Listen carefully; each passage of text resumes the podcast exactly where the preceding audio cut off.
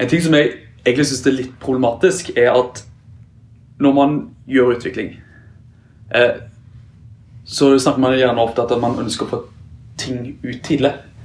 Eh, og liksom få litt hastighet eh, på utviklingsarbeidet. Og jeg som sitter da som forretningsutvikler, er jo litt, litt av den uh, utålmodige sorten. Ønsker jeg helst, helst at ting blir gjort mye raskere enn det blir gjort. Jeg får alltid tilbake igjen, ah, Vi vet ikke hvor lang tid det tar, men i utgangspunktet så ender man egentlig opp med å lage eh, features eller produkter eller måte noe som er kanskje mye bedre enn det som hadde vært godt nok for å vise et poeng, eller for å vise at det som vi lager, faktisk fungerer. Ja, jeg er ikke utvikler, og jeg gjør ikke utvikling. For å bruke den formuleringen der. Men jeg vil si at øh, jeg jobber ikke for å gjøre ting godt nok. Jeg jobber fordi jeg vil gjøre ting bedre. Og da er det fryktelig demotiverende å lage noe som bare er godt nok, som jeg ikke kan være stolt over. Jeg blir motivert av å lage ting bedre enn jeg gjorde det i går. Jeg vil gjøre det bedre i morgen også. Og det handler ikke bare om å gjøre det godt nok for at noen skal kunne sjekke av en checkbox og si at vi har levert noe og testa ut noe. Det handler om at jeg også har lyst til å få glede ut av det jeg lager. Og på en måte produktet og min faglige kompetanse og utvikling. Som er egentlig min motivasjon til hvorfor jeg har lyst til at den pikselen der skal være på riktig sted. Hvordan uh, vet du at det er bedre? Hva er din definisjon på bedre? At det ser bedre ut for deg selv? At det er liksom smoothe animasjoner? Eller at det ser bra ut? Mer eh, robust. Finere animasjoner, bedre farger. Det er Det bare er Altså hvis det handler om det estetiske, så har du et estetisk øye hvor du kan se at den balansen her funker ikke, eller den kombinasjonen funker ikke. Mm. Da vil ikke jeg sette navnet mitt på noe som ikke funker. Men ofte, ofte bare for å komme videre i liksom et, et, utviklingsløp, så trenger man å vite er det mulig å hente ut den jævla tabellen. Eller er ikke det mulig? Istedenfor å liksom, dra inn masse ulike fancy eh, funksjoner for å få dette her til å se helt perfekt ut. Er det ikke noe som heter godt nok? Ja, men uh, jeg liker ikke det begrepet 'godt nok'. Jeg liker heller å tenke på uh, hva kan vi gjøre for å gjøre det bedre. Og akkurat det tabellen, den tabellen-eksempelet litt, da, så er uh, veldig sånn rasjonelt, vil man si at det hadde vært greit nok å bare hacke til noe for å få lagra tabellen akkurat slik du vil trenge den nå. Men i morgen så har du et annet behov som gjør at du må begynne på nytt. Er det ikke bedre å heller bare tenke litt lenger frem i tid og tenke på hva er det som løser behovene som er naturlig kan komme fremover, eller lage en mer generisk løsning som er mer robust og mer liksom, bærekraftig? Så argumentet ditt er egentlig at ved å gjøre det bedre enn godt nok, hvis jeg kan bruke det uttrykket, ja. så sparer jeg for ti senere. Ikke bare spar meg for tid senere, det er en liten investering for potensielt å spare en god del, men også en liten investering i økt motivasjon for å fortsette å jobbe med noe. Fordi jeg har muligheten da til å utvikle meg bedre og utvikle teknologien og gjøre, lære noe nytt av å gjøre ting bitte litt bedre enn jeg gjorde det i går.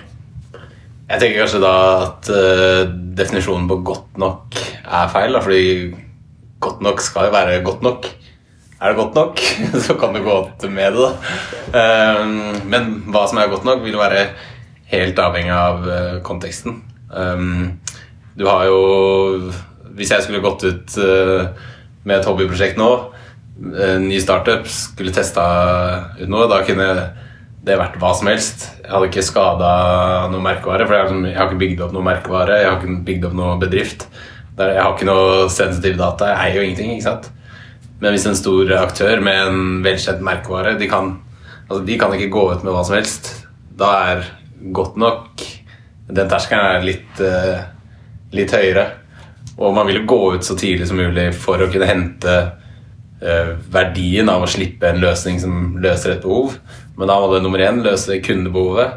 Men det må også være bra for bedriften å slippe den løsningen. Um, det må passe med merkevaren og passe med den følelsen, og det må liksom gi verdi til både kunden og bedriften. Og det er, liksom, det er da det er godt nok da, for alle, og ikke bare du har den tabellen som ser sånn ut. Og så må, det liksom må, også være motiverende for de som jobber med dette, til å fortsette å jobbe med dette. da. Så av og til så er det liksom viktig å liksom legge på en ekstra liksom, innsats og liksom dotte den i-en, bare for at du skal ha lyst til å komme tilbake i morgen og dotte en ny i. Men det betyr ikke at du ikke skal dotte den i-en. Du bare slipper det kanskje litt tidligere. Så lenge det er innafor den godt nok definisjonen som jeg nettopp hadde.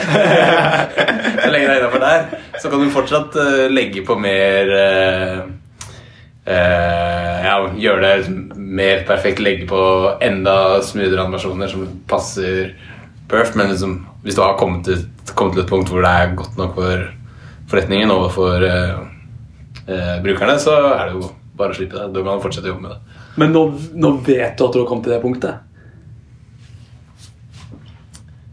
Det er eh, ekstremt avhengig av hva du gjør. Altså, hvis du har en første versjon av et produkt, så er det en, det er en litt større avgjørelse som dere må ta i teamet.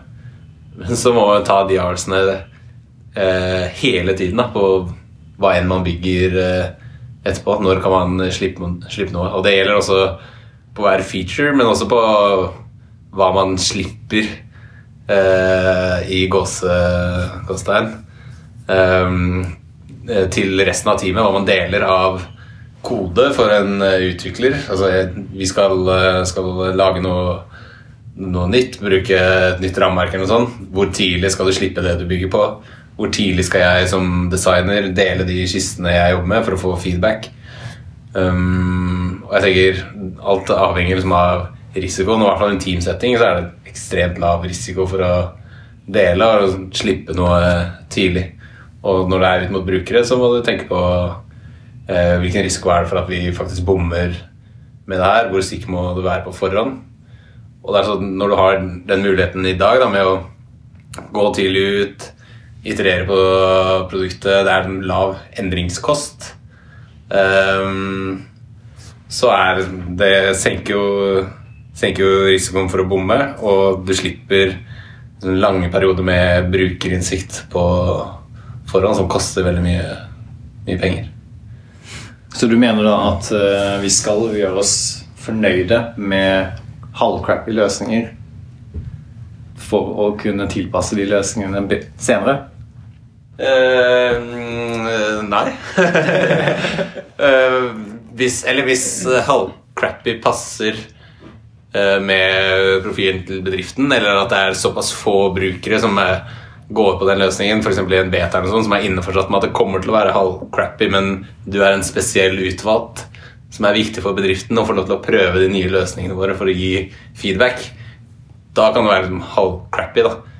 Men altså, du kan ikke slippe noe som skader omdømmet til bedriften. Men du, altså, det finnes jo muligheter. Du kan jo brande det som noe annet, eller uh, ja, det som en konkurrent? si at dette er noen andre, og finne ut av businessbehovet sånn. Men du må liksom slippe det tidlig nok, da. Men det er sånn to perspektiver på dette. Det ene er jo litt sånn personlig og faglig utvikling, altså hva man eh, er komfortabel med å slippe. Det andre er jo kanskje den risikoen. Det er egentlig en helstudering av risikoen forbundet med, med det. hva, hva skjer dersom at hvis jeg slipper denne featuren her nå? Ja, man bør hele tiden ha ehm, en liten formening om hvilken risiko man hele tiden løper. Altså hvis du skal ehm, Vi skal gå opp eh, Himalaya, så burde du planlegge det her veldig i forkant. Og alle stegene hvor du skal stoppe, eh, akkurat hvilken rute du skal ta. Da bruker du masse tid eh, i forveien på å planlegge.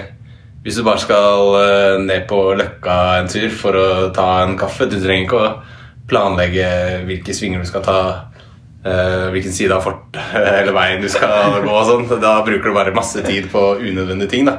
Fordi det er ikke noe risiko ved å gjøre det på en annen måte enn det du hadde tenkt. Du skal bare finne den eh, perfekte veien for deg den dagen, og det er, finner du ut når du kommer rundt svingen og ser ok, burde jeg gå der eller der. ikke sant? Men samtidig for deg som er den personen som går, da, så er du en viss stolthet å gå mest mulig riktig. Enten du går til Løkka eller går opp Himalaya.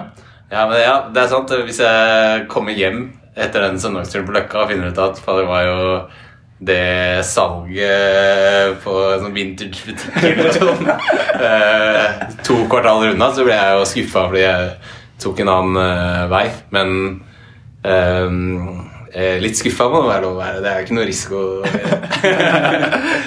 Er det liksom Risiko for å bli litt skuffa, den der? Litt skuffa er lov å være. Konklusjonen, altså. Alright, ok.